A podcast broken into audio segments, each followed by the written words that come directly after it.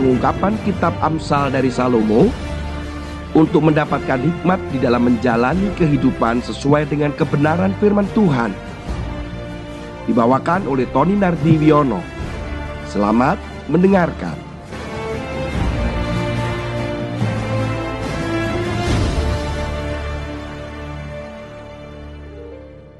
Shalom, Bapak Ibu sekalian.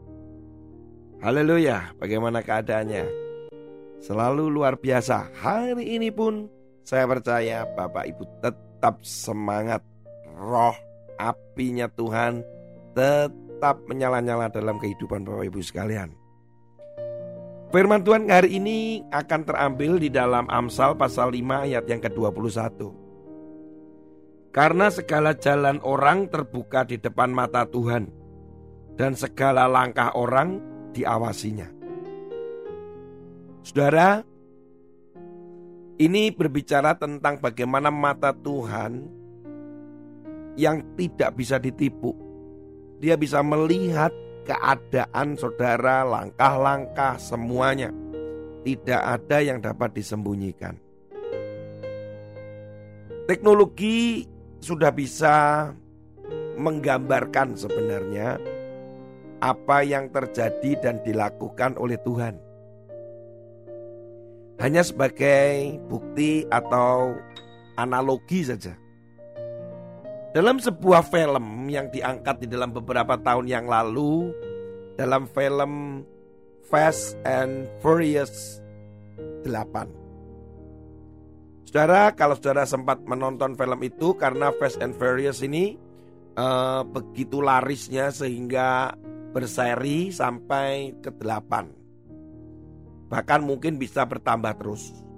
Di dalam Fast and Furious yang ke-8 ini ada satu alat atau teknologi yang diperebutkan yaitu God's Eye atau mata Tuhan.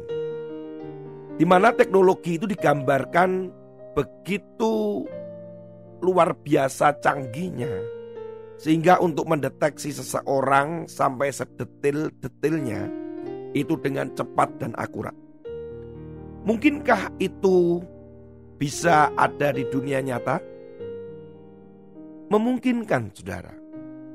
Teknologi God's Eye ini memungkinkan dengan teknologi digital, apalagi dengan jaringan 5G yang akhir-akhir ini menjadi viral dan menjadi fokus para ilmuwan yang terus mengembangkan dan fungsi daripada jaringan 5G itu sangat luar biasa dan ditambah dengan teknologi satelit tentunya. Nah, teknologi God's Eye ini sendiri adalah bagaimana bisa mengetahui seseorang yang berbuat jahat atau mungkin bisa memasuki atau menghack atau membajak handphone, smartphone, komputer, laptop, kendaraan, bahkan bisa mengatur lalu lintas yang dengan teknologi internet di dalamnya semua yang berbau online bisa dikuasai oleh sistem God's Eye ini. Teknologi God's Eye ini sebenarnya pernah diuji cobakan. Yaitu di jalanan Baltimore, ND, dan Dayton, Ohio, serta California. Dicoba dilakukan itu oleh para penegak hukum. Dengan sistem namanya adalah Persistent Surveillance System. Ross McNutt menerangkan bahwa sistemnya ini hampir mirip dengan Google Earth. Hanya saja memiliki kemampuan TIVO atau TiVo atau perekam video digital. Sebenarnya ini belum maksimal, tetapi sistem ini sudah menjadi awal untuk mendeteksi. Sepertinya seperti mata Tuhan yang bisa melihat ke mana-mana dan melakukan apa-apa. Gak usah jauh-jauh dengan teknologi God Eye yang hari-hari ini terus dikembangkan. Orang yang memegang handphone masing-masing, saudara punya handphone, saya punya handphone. itu saja bisa terdeteksi saudara ada di mana walaupun saudara tidak menghidupkan lokasi atau GPS saudara. Termasuk internet. Saudara yang menggunakan internet lewat PC atau komputer di rumah atau laptop, maka IP address-nya bisa ditemukan. Kecuali menggunakan VPN, lebih sulit tetapi masih bisa ditelusuri dan ditemukan. Saudara melakukan pembukaan di media sosial, punya account di sana, berbelanja di sini, melakukan transaksi itu, itu pun bisa terdeteksi oleh mesin yang benar-benar mereka punya teknologi di mana teknologinya adalah bisa AI, artificial intelligence, kemampuan artifisial yang di mana itu bisa mendeteksi, membaca perilaku konsumen, pembeli, dan seterusnya. Jadi sebenarnya tidak ada yang bisa ditutupi. Data-data kita terekam, sekarang semuanya sistem digital.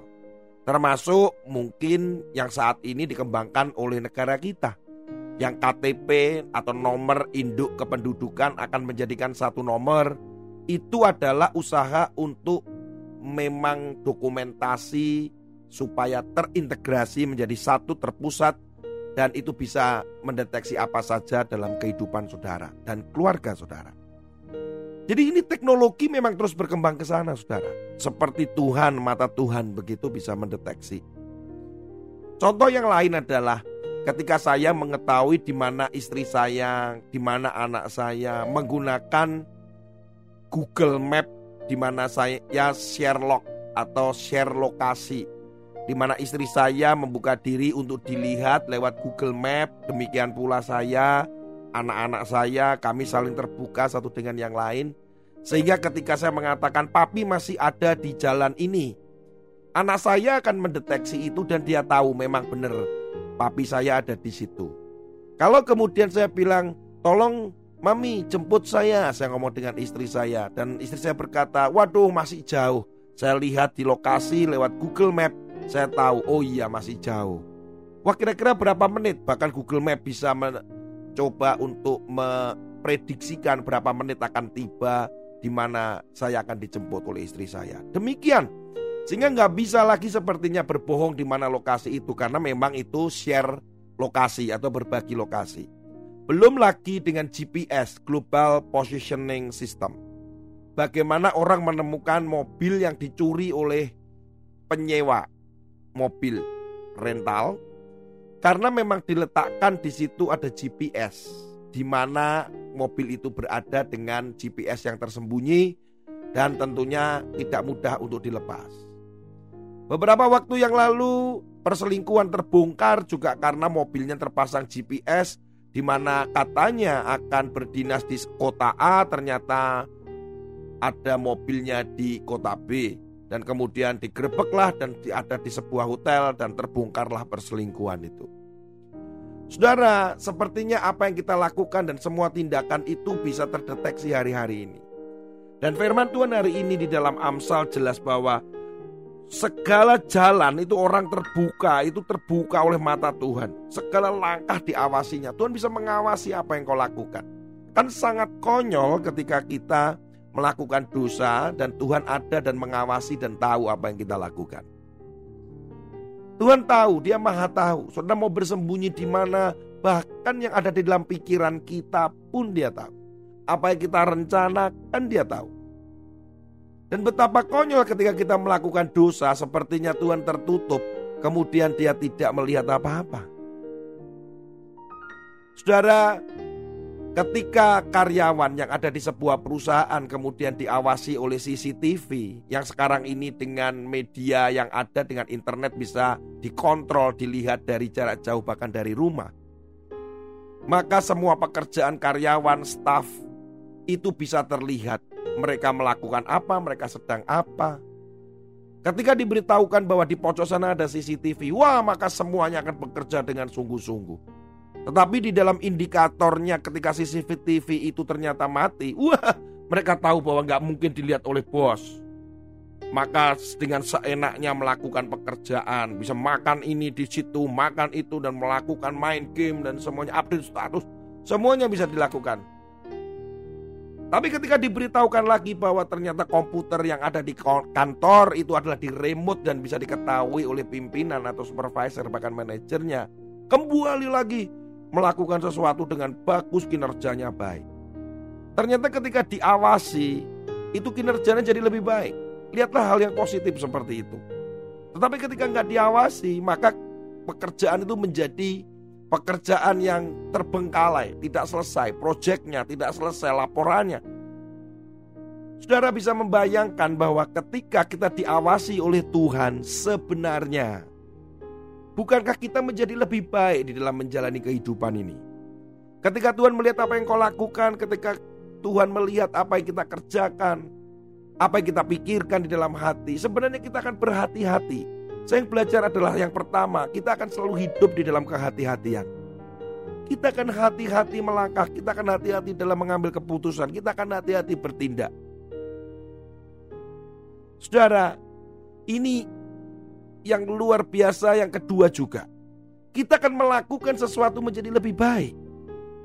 Karena kita diawasin, bukan untuk dihakimi. Ingat, catat baik-baik.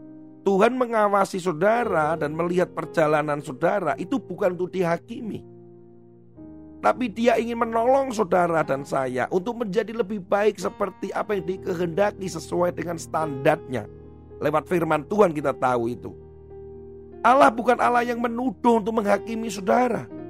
Kalau penuduh itu pasti iblis.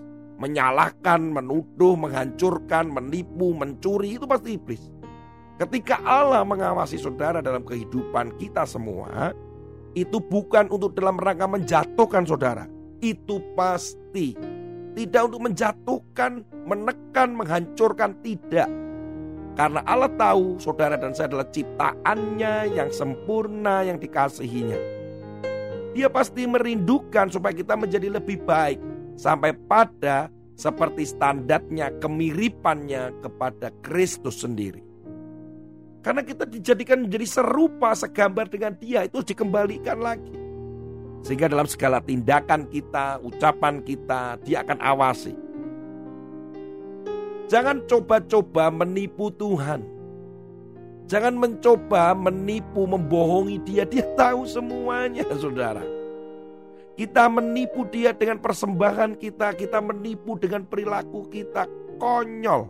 Ketika seseorang di tempat kami kemudian melakukan sebuah kejahatan dan diketahui oleh CCTV dan ada buktinya, ada rekamannya. Kemudian ketika ditanya dia tidak mengaku, itu sangat konyol juga. Kenapa? Karena buktinya ada. Kalau dia tahu bahwa buktinya ada dan dia diawasi, mungkin dia tidak akan melakukan itu. Saudara, Bayangkan dalam kehidupan ini ada sebuah CCTV yang amat besar dengan satelit yang amat canggih untuk mengetahui setiap detail apa yang kita lakukan di seluruh dunia yang tebus tembok, tembus semua bahkan yang ada di dalam tanah pun bisa lihat semuanya. Apa yang akan kita lakukan? Marahkah? Kita mau hancurkan? No. Kita bersyukur bahwa hidup kita menjadi lebih baik karena kita ada satu dalam kehati-hatian yang kedua, kita menjadi lebih baik, better, better, better, and better. Kita akan menjadi lebih baik karena kita ada standar yang Tuhan akan uh, evaluasi, yang Tuhan akan ajarkan. Karena ada satu kesalahan, ada satu perbuatan dosa. Di situ kita yang akan dibenarkan, kemudian diarahkan sampai kembali kepada ciptaan yang sempurna dalam sebuah hubungan supaya kita juga menjadi serupa dan segambar seperti ketika ada di Taman Firdaus. Saudara, mari ada CCTV besar di dalam dunia ini, alam semesta ini yang mengawasi saudara. Yang tentunya juga mata Tuhan itu. Gak perlu teknologi God eye. Memang kenyataannya mata Tuhan mengawasi saudara. Bahkan di relung hati yang paling dalam pun dia tahu. Mari kita hidup berhati-hati dan menjadi lebih baik lagi di dalam hidupan ini. Tuhan Yesus memberkati saudara dan tetap semangat melayani dan makin mengasihi Tuhan lagi dan terus terus terus terus melakukan sesuai kehendak Tuhan. Haleluya. Tuhan Yesus memberkati saudara.